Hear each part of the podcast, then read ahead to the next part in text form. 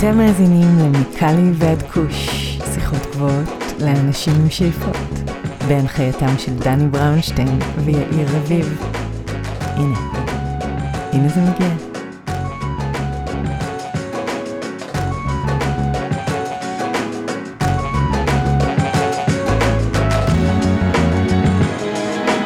אהלן אהלן, חג שמח ומוצאי עצמאות שמח יאיר, מה שלומך?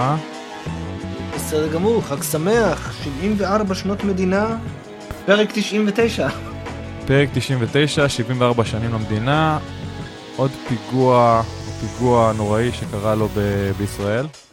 לצערי אנחנו מקליטים אחרי הפיגוע, אבל זה המציאות שאנחנו נמצאים, אני חושב.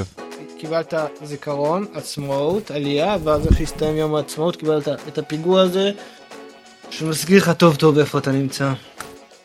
איפה אתה נמצא? כן, אני כבר לא נמצא שם. אתה נמצא בלוס אנג'לס. שמחתי ולצערי, ואני חייב להגיד, מקום, ממקום מושבי בלוס אנג'לס, לא, לא קל לראות את התמונות האלו, ואני חושב שדיברתי על זה באחד הפרקים, אבל להיות פה ישראלי, אה, מחוץ לישראל, קושר אותך באופן אה, חזק יותר למדינה שיצאת ממנה. אה, כן? המחשבות, החברים, הזיכרונות, זה משהו שבאמת לא עוזב אותך. כן, השותף שלי, שלי לעסק הוא ישראלי, החברים שלי פה רובם ישראלים, אשתי ישראלית אמריקאית. נכון שהחברים שלה לא כולם ישראלים, אבל אני בהחלט מוקף בהרבה ישראלים ביום יום. אפילו גם בתעשיית הקנאביס, חלקם. אז מהבחינה הזאת אני די מרגיש בבית, אבל עדיין החברים הטובים שלי, הזיכרונות שלי, הארץ שלי, זה, זה ישראל. זה לא קל. אז כאמור פרק 99 ופרק סיכום עונה. קצת רוצים לעשות רפלקשן ולהסתכל אחורנית על מה עשינו בעצם בשנתיים האחרונות כמעט, אוטוטו שנתיים, אה, אוטוטו פרק 100. מי היה מאמין שכשאני התחלתי את הפרויקט ופניתי אליך, לא האמנתי שנגיע לרגע הזה, את האמת. אה, אפס חרטות כמובן. אפס אני חרטות. זה מאוד מאוד נהניתי מה... אפס חרטות מזה שהתחלתי את המסע הזה, כי... זה ברור. אתה יודע, לפעמים אתה מתחיל פרויקטים מסוימים, ואז אתה אומר, למה הייתי צריך את הכאב ראש הזה? ושמע, בוא, בוא נהיה כנים, לפעמים זה כאב ראש, כן? אני בעלים של חברה, אני במשרה מלאה, ולעשות את זה בתאריכות בסופי שבוע, ואת ההקלטות, זה לוקח זמן, וזה לוקח אה, יותר, מרק זמן. אז להיכנס לכזה פרויקט, לא מגה שאפתני, אבל בכל זאת פרויקט שאפתני, הראשון מסוגו, אף אחד לא עשה את זה לפנינו, ואני מאוד שמח וגאה על המסע הזה, ואני מודה לך באופן אישי שהצטרפת למסע הזה. אני מודה לך דני, אתה אמ, שיחקת אותה לי גם עם הדבר הזה, כי בשיא הרצינות, כאילו, אני לא- אני לא יודע כמה זה ברור, אבל כל הדבר הזה על הכתפיים שלך בצורה מדהימה, ואתה, ההתעקשות שלך קדימה, פשוט דאגה לזה שלא היה שבוע בלי פרק. כל הכבוד לך, בן אדם. תודה. אה, האמת שזה גם הפתיע אותי שלא פספסנו אפילו שבוע אחד, באמת, חגים, אוהדים, אה, עברנו די דברים, אה, משפטים. נקרא לזה דברים מאתגרים, משפטים, ובכלל עברנו אה, הרבה דברים מאתגרים בשנתיים האחרונות, גם אני וגם אתה, בלי להיכנס אה, לעומק של הדברים. כמו רוב האנשים בעולם, בוא נהיה כנים, אה, עם הקורונה, אה, אנשים עם משפחות, עם ילדים, עם עבודות, רובנו נפגענו בצורה כזו או אחרת מהמצב, וגם אנחנו, זה לא פסח עלינו. אז זה באמת היה מסע במובן מסוים גם מציל ו... ומסייע, כי אני חושב שזה גם מקרקע. השיחות איתך, גם השיחות עם האורחים. לא יודע, קצת עזר לי לצאת מהשביזות או מהמצב שנקלענו אליו, לפ- לפחות בעיקר בשנה הראשונה של התוכנית, שכולנו היינו נעולים בתוך בתים. זהו, מעבר לזה המטרה היא אותה מטרה, לדבר על הצמח האהוב עלינו, ללמוד עליו כמה שיותר, לארח אנשים מצליחים מהתעשייה, ללמוד מהם, לקבל השראה. זה מקלי ועד כוש, אני חושב שהמטרה הייתה כזאת לפני 100 פרקים, והיא אה, נותרה זהה. מה אתה חושב? כן. כן, כן, להקשיב אה, לאנשים, להקשיב לסיפורים של אנשים, להתחיל אה, לצבור ידע שנצבר בידיים, ולראות, אה, בואנה זה 100 פרקים שונים על הצמח הזה, תראה מכמה כיוונים אפשר לדבר עליו, זה פשוט מטורף. שלא לדבר על כמה נושאים עדיין לא כיסינו, וואו. אה, ולא דיברנו עליהם, וכמה פוטנציאל עוד יש. גם לתוכנית, גם לצמח וגם לכל המחקרים אה, שקורים עכשיו ויקרו בשנים הקרובות. אני מרגיש גם אחרי 100 פרקים שכמה שלמדתי, אנחנו לא מגרדים את קצה הקרחון. קלישאתי, כמה שזה יישמע, זה באמת נכון. אני לא חושב שהיה לנו פרק אפילו אחד שהיו לאורך כל הפרק תשובות חד משמעיות. ממומחה אה, כזה או אחר, והיו לנו דוקטורים ופרופסורים. אותך, זה משהו שיאפיין כל שיחה על הנושא הזה, ואני חושב שזה, שזה אחד הדברים היפים שאנחנו בעצם אה, מביאים קדימה בפודקאסט הזה, זה את ה... את החוסר מוחלטות שמגיע ביחד עם הצמח הזה ואני חושב שכל פעם שמנסים לארוז אותו ולסגור אותו באיזושהי משבצת מאוד מאוד ברורה לא ממש מצליחים לעשות את זה וזה תמיד מסתכם בנדרש מחקר נוסף. אז כאילו אנחנו מביאים את זה קדימה שנדרש מחקר נוסף. ואף אחד לא חוקר אתה יודע? לא חוקרים אנחנו דיברנו עם חלקם גם אה, יש יש מחקר אה, לא האם זה מספיק מחקר לא צריכים עוד. כן אבל גם עם אלה שאנחנו דיברנו איתם גם... רוב המחקרים שהם עושים זה מחקרי מטה כאלה שאתה יודע הם מתחילים לעבור על מחקרים אחרים ולסכם אותם ועל סמך מסקנות כאלה וכאלה מנסים ליישם את זה על קנאביס. זה רוב האנשים שפגשנו איתם ש... שדיברנו איתם. כן היו כמה יוצא מהכלל בהקשר הזה אם זה דוקטור מולי מנדל מקאנסול נכון. ופרופסור עודד שוסאיוב. וגם דוקטור עידו הרטוגזון שדיבר וגם כמובן לומיר ש... זה ספוילר, לומיר, אנחנו כבר נדבר עליו, זה הפרק, פרק האחרון של העונה, פרק 100, יהיה בשבוע הבא, זה יהיה עם פרופסור לומיר הנוש. אבל מה שיפה בקנאביס בעיניי, ומעניין ומרתק, וגם הופך את זה למורכב, זה שגם דיברנו על זה, אני חושב, באחד הפרקים, שקנאביס חולש על הרבה מאוד תחומים, אוקיי? כמו שאתה אומר, אנחנו עשינו כן. לשים קנאביס במשבצת מסוימת, ואין אין את השטאנץ הזה שמתאים לקנאביס, יש הרבה שטאנסים, ויש הרבה מסגרות, ויש כן, הרבה תשמע, תחומים לך, אתה... שקנאביס יכול להיות רלוונטי. יכול למפות את זה, אפשר למפות את זה.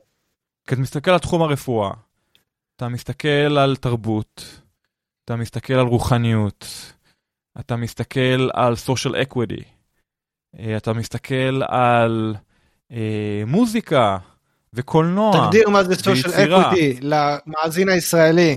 social equity זה כל uh, האוכלוסיות המוחלשות שנפגעו מאותה מדיניות אכיפה בררנית לסמים, לא משנה אם זה סמים קלים או קשים. במקרה שלנו פה בארצות הברית זה בעיקר uh, אוכלוסיית uh, אפרו-אמריקאית, לטינית, uh, כל מי שהוא לא לבן הוא על הכוונת של, של המשטרה, לפחות היה, וזה גם עד היום ככה. כשאתה מסתכל על כמות העצורים האפרו-אמריקאים מול הלבנים, חסר פרופורציות לחלוטין, לא הגיוני בעליל, כנ"ל אגב גם לגבי לטינים. אז social equity זה בעצם להחזיר את המדיניות הזאת אחורנית, ודווקא לתת להם, אוקיי, לאותן אוכלוסיות מוחלשות, את הזכות להיות חלק מתעשיית קנאביס מתוקנת וחוקית. בישראל זה לא קרה. ואני חושב שגם בארץ זה רלוונטי. אוקיי, זה צריך לקרות. אז יש לי שאלה לך בישראל האם האם לאשכנזי יש אותו סיכוי להיעצר ושוב אני לא רוצה להיכנס לשיחה הדתית הזאת אני לא חושב שזה בכלל רלוונטי לתוכנית אבל בכל זאת האם אה, מישהו אשכנזי יש לו סיכוי נמוך יותר להיתפס על קנאביס מאשר מישהו לא אשכנזי. תשמע אתה יודע שהתגובה האינסטינקטיבית תהיה להגיד לא וזה אבל בדוגרי האכיפה בפריפריה והאכיפה במרכז של עבירות קנאביס זה לא אותה אכיפה. ואיכשהו יצא לי להיות מעורב, ב, אתה יודע, ההורים מתקשרים אליי, הבן נתפס עם קנאביס, טה-טה-טה-טה. גם מתייחסים לזה אחרת, אני אומר לך, אני כאילו, כאחד שגדל באשקלון, וכאילו עברתי חיפושים וקפקופים ועניינים, ואתה יודע, אני אשכנזי אמנם, אבל זה יוצא דופן באשקלון, אבל uh, לצערי אם אתה מזרחי יש לך סיכוי גבוה יותר לאכול תיק על קנאביס ושהתיק הזה יש משמעות אחר כך כי בתעשיית הקנאביס לא תוכל לעבוד. אבל עוד משהו עזוב את ה... Uh, שים בצד לא עזוב שים בצד רגע את האשכנזי מזרחי. אם אתה ערבי אין לך סיכוי להיכנס לתעשיית הקנאביס בישראל. שלא מדבר על בדואים. אז הנה אז פה לפחות. Uh... שוב, הבדואים אה, לאחרונה עולים לכותרות בהקשר אה, די שלילי. ואני לא חושב שזה אה, מגיע ומאפיין את כולם, אבל כן, ערבים ישראלים, גם ערבים ישראלים, אותו דבר, אבל אני בהחלט מסכים איתך שמי שכן נפגע... אגב, אתה ברור לך שגם כל הקטע של הבלגן עם הבדואים עכשיו קורה בגלל קנאביס. לא, אני לא יודע. רוצה לספר על זה? דבר על זה כן. בקצרה? בטח, אדבר על זה בקצרה. אה, את אה, שוק הקנאביס של באר שבע אני מכיר היטב. אה, ברגע שה... המחירים פה ירדו בצורה דרסטית והבדואים מגדלים בכמויות מטורפות ומגדלים סחורה שפעם הם יכלו למכור אותה נניח אפילו ב-40 שקל לגרם, היום הם מקבלים בין 9 ל-11 שקל לגרם, אם הם מצליחים למכור, יש להם המון סחורה שמושמדת. ובעצם הורד בגלל האיכות שלה אגב? כי האיכות שלה פשוט לא... האיכ- האיכות לא, שלה לא עמדה במבחן הזמן? זאת אומרת, נהיה תחרות מטורפת, גם אם זה לא קשור אוקיי. לאיכות שלהם, כאילו באיזשהו מקום האיכות שלהם השתפרה מאוד אפילו, כאילו באמת, הם הבינו שהם בבעיה והתחילו לגדל יותר טוב, מה שלא עניין אותם אף פעם. אה, היית מדבר איתם על איכות, הם היו צוחקים עליך, אבל אה, הנה עכשיו הם הבינו שהם צריכים להשתפר והם משתפרים, אבל המצב הוא שהשוק כל כך מוצף, מצד אחד בקנאביס רפואי שזולג בכמויות, ומצד שני אה, יש לך פרסומות בפייסבוק לקנות שקיות ללא מרשם. אה, סתם הערת ביניים. ומצד שני השוק השחור גם כן אה, אוכל אה, כפכופים והוא יורד מחירים אז כאילו נהיה מצב שיש תחרות מאוד מאוד קשה והם די אה, בחוץ. וזה מקור הכנסה שהלך לאיבוד זה המון כסף שהם רגילים להכניס והם לא מכניסים יותר והם עכשיו אה, מחפשים אפיקים אחרים וזה צריך לעשות אלימות כדי אחרי זה לבקש פרוטקשן. מעניין מאוד. אתה יודע מה, זה תוכנית סיכום. בוא שנייה, ממש בקצרה, על קצה המזלג, ננסה לסכם ולהבין מהם הבעיות, גם בשוק הישראלי וגם בשוק הקליפורני. ונתחיל עם השוק הישראלי ברשותך. אז דיברנו, בדואים, social equity, אה, כמובן, הבעיה העיקרית בישראל שקנאביס לא חוקי. מה, מה האתגרים העיקריים שעומדים כרגע בפני חברות הקנאביס בישראל, ואיפה תעשיית הקנאביס עומדת? בלי להיכנס לכל חברה באופן ספציפי, אבל יותר במבט על, על התעשייה. אוקיי, אני חושב שאנחנו נמצאים בשלב שהשוק התפתח, התפכח חזק ומהר, אוקיי? הייתה פה איזושהי אשליה של כסף גדול שהולך להיווצר פה, והמספרים האמיתיים נחשפו, והתחזיות נחשפו, ו... וכאילו כל הבלופים נחשפו, ועכשיו צריך להבין מה אני עושה הלאה. והרבה חברות ייסגרו, הרבה חברות כבר נסגרו, אה, שוק קשוח מאוד.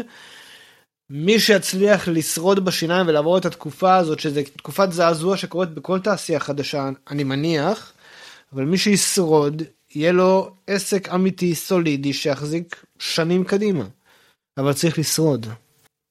זו נקודה ו- מעולה, כי אני חושב שזה אחת הנקודות המשותפות שיש לתעשייה בישראל והתעשייה בקליפורניה. גם פה, כמו שאתה בטח יודע, ודיברנו על זה בתוכנית, התעשייה עברה הרבה זעזועים בשנים האחרונות, ומי שישרוד את התקופה הזאת, כנראה גם ישרוד לתקופה יותר ארוכה, או שירחש בה בעתיד, אם זה בשנה, שנתיים הקרובות או אחרי זה, כן?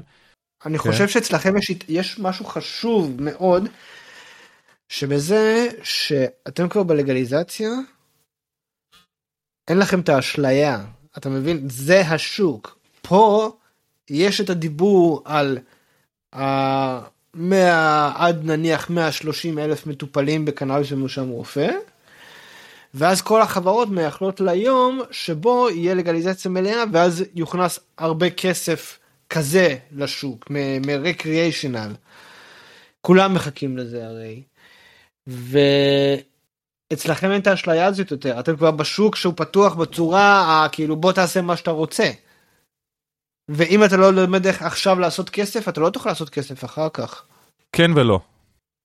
מה שכן תסביר. דומה, אתה צודק לגבי זה שאנחנו כבר במה שנקרא בפריים טיים של התעשייה פה בקליפורניה, אבל מה שאין עדיין ומה שחסר ומה שיכול כן להשלים את הפאזל ולעזור למצב באופן דרמטי, זה לפתוח את השוק, אוקיי? האמריקאי בכללותו, ולהוריד את הגבולות, אה. אוקיי?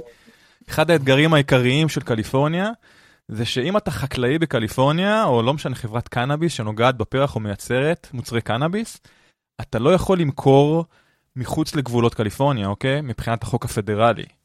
אז כן. הרבה מאוד חקלאים נאבקים, כי השוק הקליפורני, עם כל זה שהוא גדול, עדיין מדובר על 40 מיליון איש, אבל עם מלא תחרות, אוקיי?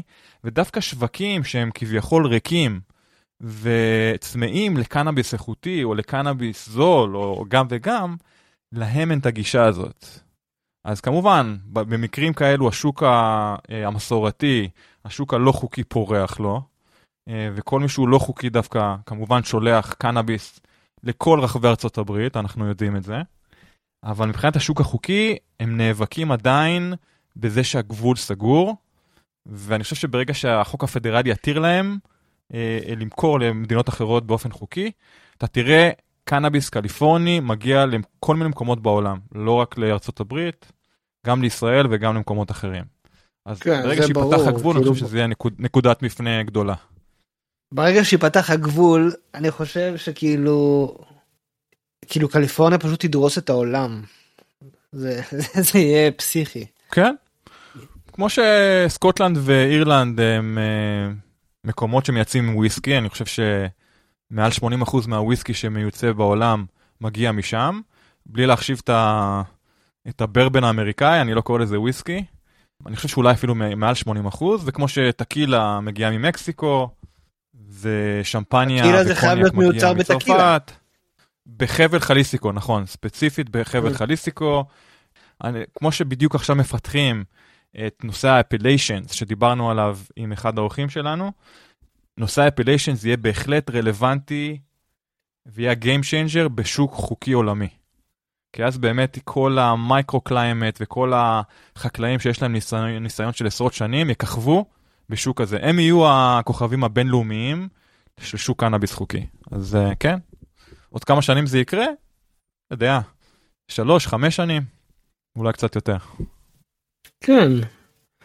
נראה שם באמת שקליפורניה במצב uh, טוב להיות, uh, אתה יודע, התו תקן לאיכות, כמו שצרפת היא התו תקן לאיכות של יין. כן, ושלא תטעה אגב, יש פה הרבה מוצרים חרא גם, זאת אומרת יש פה, רוב המוצרים לא, אתה, הם לא כל כך טובים. אם אתה רוצה לספר את הסיפור המלא זה חייב להיות אאוטדור, בטרואר וזה, כאילו אם אתה באמת רוצה לספר סיפור. אם אתה רוצה לשלוח אינדור מלוס אנג'לס לסטלנים בברלין זה סיפור אחר. בהחלט, כן. אז אה, כאמור התעשייה הקליפורנית גם עברה תמורות ואתגרים רבים בשנים האחרונות. דיברנו על זה לא מעט בתוכנית שלנו. חלק גדול מהמותגים שראיתי of Flowers לפני חצי שנה, אגב, היה גם of Flowers אתמול ושלשום, הסתיים לו אתמול בערב. אז גם מותגים שראיתי of Flowers לפני פחות מחצי שנה, סבירות מאוד גבוהה שאני לא אראה לפחות בין 80 ל-90 אחוז מהם בעוד שנתיים, שלוש מהיום. אוקיי? היו פה יותר מדי מספרים, אני יודע, אבל השורה התחתונה היא, זה שקשה מאוד לשרוד בשוק הקליפורני. במאמר, בסוגריים אני רק אומר, שיש לנו פורום של עורכי העבר בתוכנית, ולא מזמן אה, בוריס שרנסקי מפרק 5 נתן לנו אה, מין אה, הרצאה, פרזנטציה על השוק הקליפורני. אני אשלח לך את זה שוב. למדתי המון על, קודם כל על מי באמת מוביל את השוק, ועל זה שהיום אם אתה בקליפורניה, ואתה מותג שמוכר בין אה, שלושה לעשרה מיליון דולר בשנה, זה לא מספיק לך לשרוד. וזה סכום, תשמע, זה סכומים שאתה אומר, מה, אם אתה עושה חמישה מיליון דולר או עשרה מיליון דולר, זה נשמע כאילו די מספיק. אבל בנוף הקליפורני ועם כל הרגולציה והמיסים הנוקשים אה, והתחרות הגואה, גם חברות שעושות עשרה מיליון דולר בשנה לא שורדות. כן. אז מעבר לזה שגם יש חברות שעושות 50 מיליון דולר בשנה ומפסידות כסף, כן? אולי הם ישרדו את, המפ... את מבחן הזמן, אבל חברות שהיום גם מכניסות 50 מיליון דולר בשנה, ועדיין שורפות את הכסף, מפסידות כסף. אתה חושב שאם עכשיו יש לך לגליזציה פדרלית והחברות האלה הולכות לבורסה, מישהו שם, מישהו שם כסף? חד משמעית. שמע, אמרתי, אה, אה, לגליזציה פדרלית תטרוף פה את כל הקלפים, אה, תכניס המון, המון כסף, ואחד האתגרים הגדולים עכשיו בתעשייה זה לגייס כסף. גם בגלל המצב הבעייתי, גם המלחמה, רוסיה-אוקראינה לא כל כך תרם למצב. גם האינפלציה פה בארצות הברית, יש הרבה מאוד גורמים, לא ניכנס לכולם. בסופו של דבר, מהלך כזה של הממשל הפדרלי יכול לשנות פה את כללי המשחק. אבל עדיין אני לא רואה את זה קורה, כרגע לממשל הפדרלי יש אה, דברים אחרים להתעניין בהם ולעסוק בהם. ושוב, לפתוח סוגריים, אם uh, באופן הזוי הממשל ובית משפט העליון ישנה את החוק להפלות בארצות הברית, קנאביס צפו להיות יותר חוקי מהפלות. זאת אומרת, יהיו יותר מדינות שמאשרות שימוש בקנאביס ממדינות שמתירות הפלות. שזה מטורף בעיניי. מטורף לחלוטין, הזוי, כן, הזוי. הזוי. יהיו, ברגע שאם זה יעבור, יהיו אולי בין 16 ל-17 מדינות שמתירות הפלות בשטחן, בצורה כזו או אחרת, במגבלות כאלו ואחרות, מול 20 מדינות היום שמקנות קנאביס חוקי לשימוש פנאי, ו-37 מדינות לשימוש רפואי, אוקיי? רק לשים לך את הפרופורציות uh, באוויר. כן, רק להסביר לך את הפרופורציות שגם בישראל, אם אישה רוצה לעבור הפלה, היא צריכה לעבור ועדה שיושב ברב. נורא, נורא. אז זהו, זאת תעשייה קליפורנית, זה, האתגר, לא עברנו את כל האתגרים, פשוט זו תעשייה שנמצאת בזעזוע עמוק. עדיין, מי שמרוויח העיקרי מכל הסיפור הזה זה הצרכן הקצה. אה, המחירים יורדים, יש יותר ויותר מוצרים, יותר קטגוריות, יותר חנויות, יותר אירועי קנאביס, לאונג'ים שנפתחים להם. באמת דברים, מבחינת ה consumer, דברים קורים, דברים טובים קורים, אוקיי? אז באמת, הצד הצרכני בהחלט הרוויח ומרוויח מהסיטואציה הזאת. ובכלל, היום יותר נוח וקל להזמין קנאביס כל עוד אתה גר במדינה חוקית, מאי פעם, דרך המחשב, אתה, יש לך באמת עשרות אפשרויות אה, ומאות, אם לא אלפי מוצרים לבחור מהם. שוב, דיברנו פרחים, מיצויים כאלו ואחרים, אה, אכילים, vape pens, אה, משקאות קנאביס, edible שהם עם השפעה מהירה, נרות, patches, tinctures, באמת, יש כל כך הרבה מוצרים היום בשוק. תענוג, ואני בטוח שעוד 5, 6, 7, 10 שנים מהיום אנחנו נהיה בשוק אפילו עוד יותר עשיר מהיום. אני חושב שאחת הבעיות העיקריות והאתגרים בכלל של תעשיית הקנאביס זה שבניגוד לאלכוהול שאתה יכול לקנות בכל מקום, כן, אתה נכנס ל-7-11 או לסופר או לבר, אין לך שום בעיה לרכוש אלכוהול כל עוד אתה בן 21 ומעלה. קנאביס זה עדיין לא המצב, קנאביס אתה עדיין צריך להיכנס לחנות מחקר מיוחדת, דיספנסרי. כמובן, אנחנו מדברים על THC, על, על חומר שהוא ממסטל, אתה עדיין צריך לקנות אותו בדיספנסרי, ועד שקנאביס לא יהיה זמין, כמו שאלכוהול זמין, ואני מדבר על לאונג'ים וברים של קנאביס, שתוכל אה, להיכנס בכל פינת רחוב, עד שקנאביס לא יהיה זמין כמו אלכוהול, הוא גם לא יהיה פופולרי כמו אלכוהול. זה גם אה, מגבלה גדולה. מתי היית פעם אחרונה בתל אביב? הוא אתגר גדול. אה, שלוש, אה, קצת לפני הקורונה, אני יודע שכולם מעשנים, אני גם עישנתי בתל אביב, זה לא, זה לא עניין של לעשן, אבל אתה לא יכול לקנות את זה בכל חנות, אתה לא יכול להיכנס לסופר ולהגיד, אוקיי, תן לי... עכשיו אתה יושב בבר, אתה יושב בבר, ויש לך מודעה, לא, אתה יושב בבר ויש לך מודעה עם מחירון ותפריט, ואתה שולח הודעה, ואני אומר לך תוך רבע שעה זה אצלך ביד. בגלל זה השוק, עם כל זה שהוא לא חוקי בישראל, עדיין יש לכם מספיק אמצעים כאלו ואחרים אה, בלי להזכיר את עמוס סילבר וטלגראס, שנותנים את הזמינות הזאת של הקנאביס, לא אותה איכות, לא אותו מבחר אולי, כמו שיש בקליפ... בקליפורניה, אבל את הזמינות הזאת, בהחלט, היא, היא מיידית. אתה יכול להשיג קנאביס מאוד מאוד בקלות, לא משנה איפה אתה נמצא בישראל. פה טלגראס, אה, יש כבר, אה, יש חדשות מטלגראס. יש מה?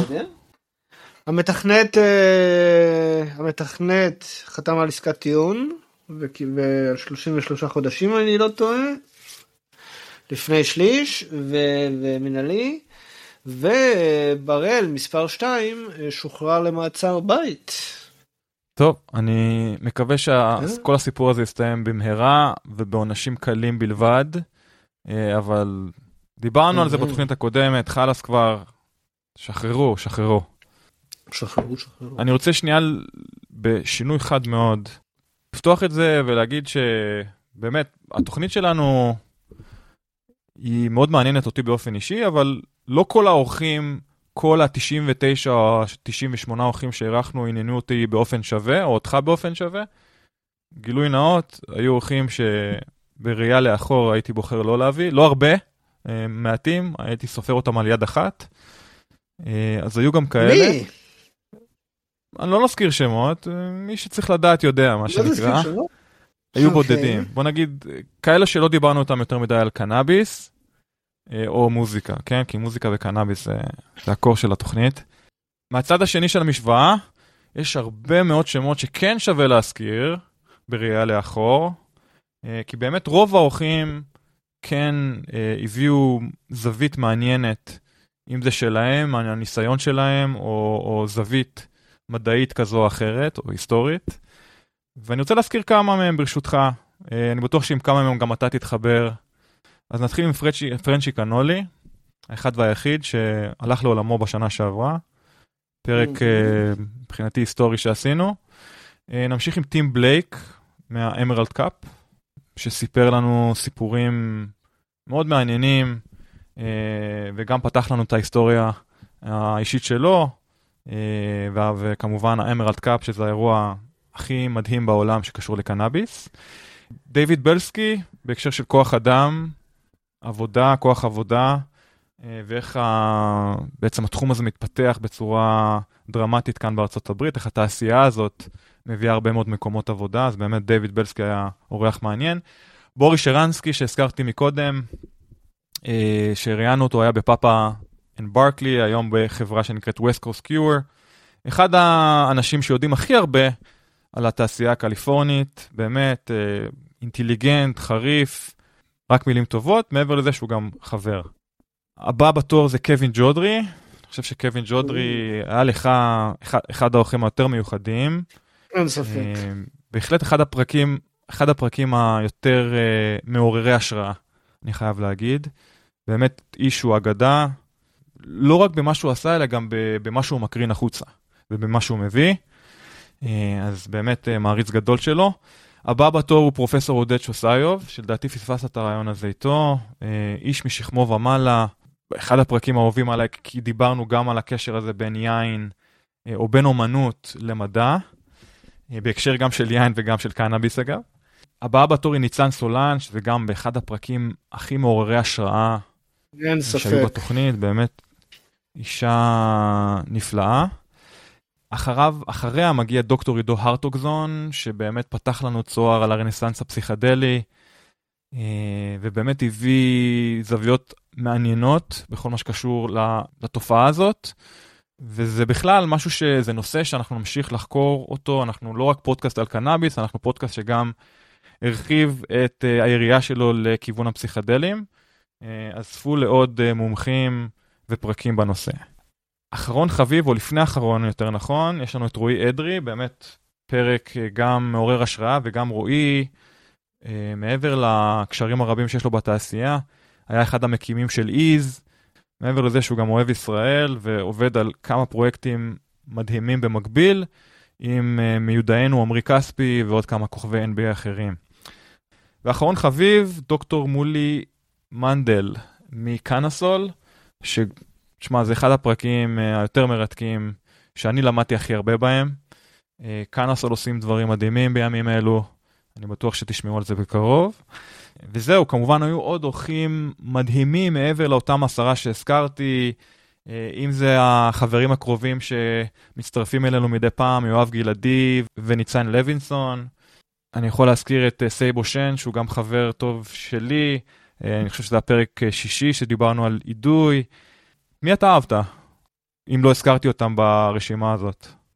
מה אנחנו הולכים אחורה לפרקים הראשונים אפילו היה את הפרק עם יותם מירוני שהוא חבר קרוב שאני מאוד מאוד אהבתי וכאילו נתן לי איזושהי פרספקטיבה רחבה להסתכל על התעשייה. שאז לא הייתי חלק ממנה והיום אני חלק ממנה ואז אני מסתכל עליה קצת אחרת דרך העיניים שלו. מי עוד היו היו כמה טובים היה את ארז בטט היה מרתק. כן, ארז בטט בהחלט, לא, לא הזכרנו אותו, ארז, הזכרנו אותו חושב בסיכום עונה הקודם, הפרק הכי, חוץ מהפרק שלנו, אני חושב שהוא היה הכי מואזן, הפרק הראשון. הפרק של ארז הוא היה הכי מואזן מכולם. בהקשר הזה של ארז הייתי גם אה, מזכיר את קובי צ'אוסקי שאתה ראיינת, והיה באמת נכון. גם רעיון מרתק וחשוב, חשוב מאוד. כן, פרק מאוד חזק שאני אני מרוצה ממנו. כן, אלה הכוכבים שלי, נראה לי שדי מסתדרים ביחד. לגבי האורח שנארח בשבוע הבא, זה פרופסור לומיר הנוש. אה, פרופסור הנוש היה יד ימינו של אה, פרופסור משולם במשך קרוב ל-30 שנה. מבחינתי, אם צריך להגביל את זה, הוא הסקוטי פיפן של עולם הקנאביס. אה, צמוד עליו שנים רבות. אז עם לומיר הקלטנו פרק, אני ויואב גלעדי הקלטנו פרק איתו, יואב די קרוב לפרופסור אנוש, ויצא פרק די ארוך, מרתק לפרקים, ובאמת אה, מסכם באופן, אה, אה, נקרא לזה מדעי לפחות, את שתי העונות שלנו, את כל הפרקים שהקלטנו עד היום. כי באמת מדובר באחד האנשים שיודעים הכי הרבה על קנאביס ו- ומחקר אה, על קנאבידואידים, אז שווה מאוד לחכות.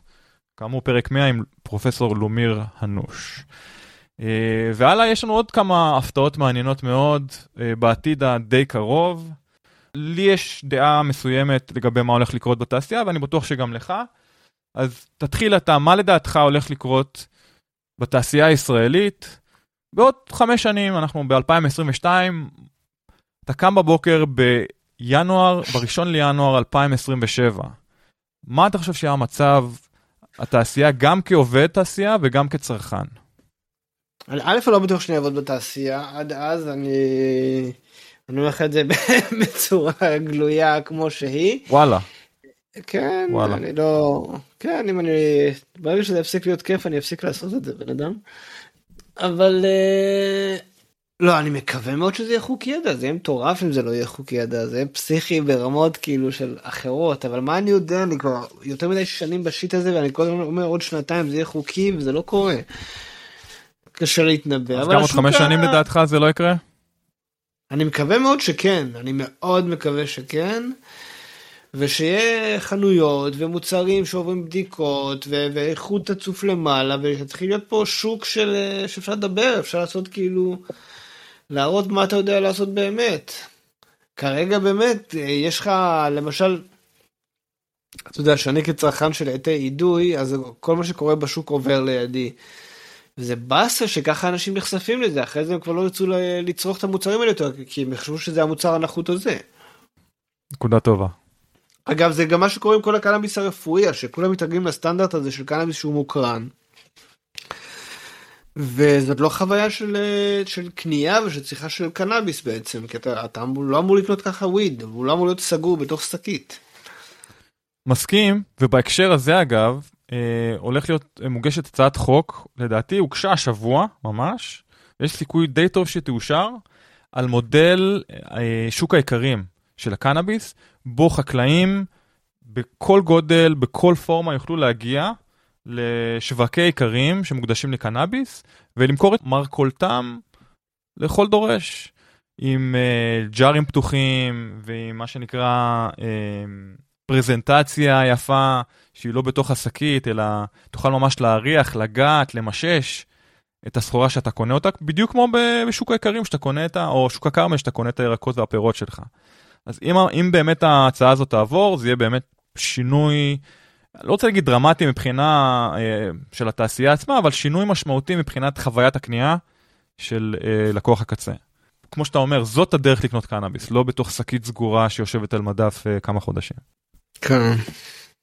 אז uh, יפה, אז זו, זו דעתך על התעשייה, אני יכול להגיד שמהצד שלי, אני חושב שעוד חמש שנים כן תהיה לגליזציה ברמה הפדרלית, אני לא בטוח שעוד, שזה יקרה הרבה לפני זה, לצערי, אני לא רואה את זה קורה בשנה, שנתיים הקרובות, עם כל זה שרצינו וציפינו שזה יקרה, וכולם דיברו על זה שהדמוקרטים עלו, שזה יקרה הרבה יותר מהר, עם כל זה שזה נושא ביי פרטיזני ויש כביכול הסכמה בין מפלגתית על זה. Uh, עדיין יש הרבה מאוד חורים והרבה מאוד, uh, נקרא gap מבחינת הדור של פעם, הדור הזה שבעצם אסר על השימוש בסמים כאלו ואחרים, לבין הדור החדש, שהוא הרבה יותר ליברלי ורוצה את החופש, חופש הפרט, דורש את חופש הפרט. אז אני חושב שזה עניין של כמה שנים, אני מקווה קצת פחות מחמש, אה, אבל לא הרבה פחות, לצערי הרב. אבל זה לא יעצור את התעשייה, אני חושב שכמו שהזכרנו, רכבת יצאה קדימה, אה, התעשייה גדלה, אתה רואה את הסכומים כל שנה גדלים. בשוק החוקי והלא חוקי מכרו 97 מיליארד דולר, אוקיי? דיברנו וואו. על זה בפרק הקודם. סכום מטורף לחלוטין. שוב, צריך להבין שלא כולם צורכים קנאביס, אבל הצ... מי שצורך קנאביס מוציא כנראה יותר כסף על קנאביס מאשר על אלכוהול. אז יש פה מין אה, אה, דיסוננס כזה אה, בין צריכת אלכוהול חוקית לצריכת קנאביס ברובה לא חוקית. שוב, אתה מסתכל על כל ארה"ב, כולל קליפורניה, אה, השוק המסורתי עדיין מדבר בקול רם ועדיין נותן בראש, וזה לא הולך להשתנות גם בקרוב. שוב, דיברנו על זה, רגולציה נוקשה, מיסים גבוהים, ושוק מסורתי פורח. אם אתה רוצה להביא וויד איכותי היום בקליפורניה, הכי איכותי שיש, אתה הולך לשוק השחור. אוקיי? אתה הולך לשוק המסורתי. קנאביס שנמצא בחנויות, בחלקו יהיה טוב. בחלקו יהיה טוב מאוד, בחלקו יהיה טוב מינוס, או מספיק אה, פלוס, אבל את הקנאביס המצוין, המאה, הכי טוב שיש, אתה עדיין מוצא בשוק המסורתי היום, בקליפורניה. כמה אתה משלם עליו? אה, לא מעט, אתה משלם עליו איזה 50-60 דולר ל-8, אה, אבל זה עדיין יהיה יותר זול מ-8 פרימיום שעולה לך בחנות 80 אה, או 90 או 100 דולר. אז זה עדיין, זה יהיה נחשב יקר לשוק המסורתי, כן, בשוק המסורתי אתה יכול להביא גם 8 ב-15 או 20 דולר היום, כל עוד זה, זה outdoor או אפילו פחות מזה. אבל כן, מוצרים שהם אינדור איכותיים, living soil, כמו שאחד האורחים שראיינו, אתה מגיע ל, כן, 60 פלוס אפילו דולר. כמה זה 8 אה, בגרמים? שלוש וחצי? שלושה וחצי גרם, כן. וואו, זה לא זול, אה? זה לא זול, לא, לא. לא זול, אבל אתה מקבל באמת איכות. איך אתה צורך את הקנאביס שלך ב... בימים אלו? וכמה? אני רוב הזמן עם המוצץ, עם הווייפן שלי. עדיין עם אה, הווייפן? אבל חשבתי שהפסקת לצרוך במהלך היום, לא? שזה כבר נשבר. אז היה לי שבועיים כאלה, זה נשבר עם כל מיני תהפוכות שבאו, אז אני חושב שיום ראשון אני הולך לחזור ל... להפסקה אבסולוטית. ו... לא לפני שתפגוש את שותף שלי? לא לפגוש, לפגוש, אבל גם אתה יודע, זה גם חלק מהעבודה ועניינים ופה ושם, אתה יודע, אני לא באמת יכול להפסיק לגמרי, אבל אני יכול כאילו, אני צריך סיבה. אבל, וזה, ו, ואני מה the Mighty ו Crafty, זה רוב הצריכה שלי, אבל רוב, רוב הצריכה זה עם, ה, עם ה vape pen. ו... כמה ה Puffco שלך עובד ב- בלילות, אם בכלל? מעט מאוד, מעט מאוד. יש לי דברים מאוד טעימים, אבל המיידיות של ה vape מנצחת. כן. כמה אנשים קונים שמן בשביל לעשות דאבים? פה בקליפורניה? כן. אנחנו יודעים את זה, זה בערך בין 6 ל-7 אחוז מהשוק. שזה לא מעט. וזה כולל גם? קטגוריה שהיא גדלה. זה כולל גם חשיש. כן. וואו, זה, אבל זה, זה לא כולל, אני אגיד לך מה זה לא כולל. שנייה, קודם כל זה לא כזה מעט, אוקיי? בהנחה ששוק המשקאות הוא 2% ושוק הטינקטורות הוא 3%. עוד משהו שחשוב להבין, זה שאם אתה מדבר על מיצויים אפילו כמו live resin ו live rosin שנמכרים במחסניות היום, ויש הרבה כאלה, בעיקר resin, בערך 30 או 40 אחוז מהמכירות של כל ה vape pen זה resin היום. אז אם אתה מסתכל על, אה, אז צריך גם להסתכל על live resin שנמכר במחסניות, אוקיי? דיברנו על המיידיות של vape pen, אין מה לעשות, הרבה מאוד משתמשים מעדיפים את הנוחות הזאת ואת הדיסקרטיות הזאת. אז בלי קשר למחסניות, זה ה-7% של אנשים שממש עושים dabbing, אם זה אה, דרך rig מלא כאילו, או אה, מכשיר כמו Puffco, או אחד המתחרים שלהם. אבל זו קטגוריה שהיא גדלה א', ובחזרה לפרק שעשינו עם ג'וסלין, אגב, גם uh, שווה להזכיר אותה בהקשר הזה, דיברנו על זה שהדור החדש, כולו, כל כולו באידוי, כן? אם זה vape pens ואם זה dabbing. זאת אומרת שה-Z Generation, זה ה demographic העיקרי של הקטגוריה הזאת, ורוב מי שנכנס היום, רוב הצעירים שנכנסים היום כצרכנים ראשונים לתעשייה החוקית, שהם בני 21 פלוס, התנסו באידוי. רוב הסיכויים שהם זה יהיה אידוי ולא עישון. כן.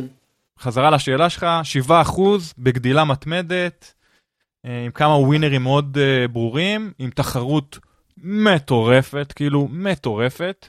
כמובן, אם אתה מכניס את הווייפן לתוך התחרות זה עוד יותר מטורף. בהקשר למה שבוריס סיפר לנו באותה הרצאה על השוק הקליפורני, רוב הווייפן שמוכרים עכשיו זה נקרא hot dog water, משהו כזה. בעצם מרפרנס למשהו שהוא לא מאוד איכותי, אוקיי? אבל למה? זה בעצם כאילו, distillate. יש כל כך הרבה distillate. טוב, למה לעשות- אה, distillate למה? כי distillate הכי זול לייצר, והכי קל לקנות היום אה, טרימים או, או חומרים outdoor שעולים לך גרושים ולייצר את ה distillate הזה. עדיין היום live resin, ובכלל rosin, יקר באופן משמעותי אה, ב vape pen, בהשוואה ל distillate, ל-CO2. אז והקהל הרחב עדיין זה נש- ההבדל, distillate זה לא CO2 בהכרח. לא, הקהל, בדיוק, בדיוק העניין, בגלל זה אמרתי לך שרוב הצרכנים ב vape pen הם עדיין צורכים distillate, צור- צורכים מוצרים איכותיים וזולים. צריך להגיד, הם זולים מאוד, זה מוצרים שעולה לייצר בערך שלושה עד חמישה דולר, והם נמכרים בפחות מ-30 דולר, אוקיי? לגרם. אה, כשאתה מדבר איתי על live resin, המחיר הוא כפול, אם לא יותר מזה. אז כן, רוב הצרכנים, כמו שדיברנו בעבר, עדיין הם צרכני value, הם אנשים או צרכנים שמחפשים הכי הרבה THC בהכי פחות כסף. פחות אכפת להם מה המקור, פחות אכפת להם מה הסיפור מאחורי המותג, או האתוס, או הערכים, או זה. אכפת להם שמגיעים לקופה, החשבון הוא פחות מ-100 דולר, והם יצאו עם כמה גרמים אה, של, של וייפ, לצורך העניין. אז זה עדיין זה הצרכן הממוצע. מסתכל. לא, זה טעים כי יש חברות, לשמחתנו, כמו איבנה הישראלית, שהופכות את זה להרבה יותר טעים וסביל, אבל אני מסכים איתך, אין בזה, לדיסטילט בעצמו אין שום טעם. התוספת של הטרפנים, אם זה מאיבנה או מחברות אחרות, כן הופך את זה לסביל, אוקיי? לא לי כצרכן אה, גורמה או צרכן אה, שמחשיב את עצמו לקצת יותר מתוחכם, אבל לצרכן ממוצע, שפחות מעניין אותו הטעם, הוא מחפש רק אה, מה שנקרא to get high, פחות מעניין הטעם. שוב, אפשר להשוות את זה לאלכוהול, רוב מי שקונה יין או קונה בירה, לא קונה את אה, בירות הפרימיום או את אה, יינות הבוטיק, קונים אה, מה שנקרא יין שהוא ידידותי לכיס, או Coors. Light, או קורונה, כן.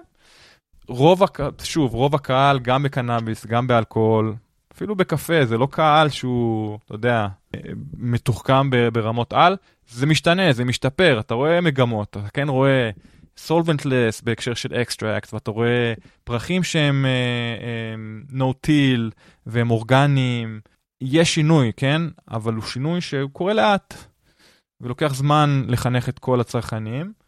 מעבר לזה שכמו שאמרתי, רוב הצרכנים רוצים מחיר טוב, זה מה שמעניין אותם. זה היה די ממצה, אני חושב, לגבי התעשייה הקליפורנית ולגבי מה די קורה. ממצה על מיצויים. אה, די ממצה על מיצויים, וזהו. אה. זה היה פרק סיכום עונה, עונה מספר 2 של מיקלי ועד כוש, פרק 99.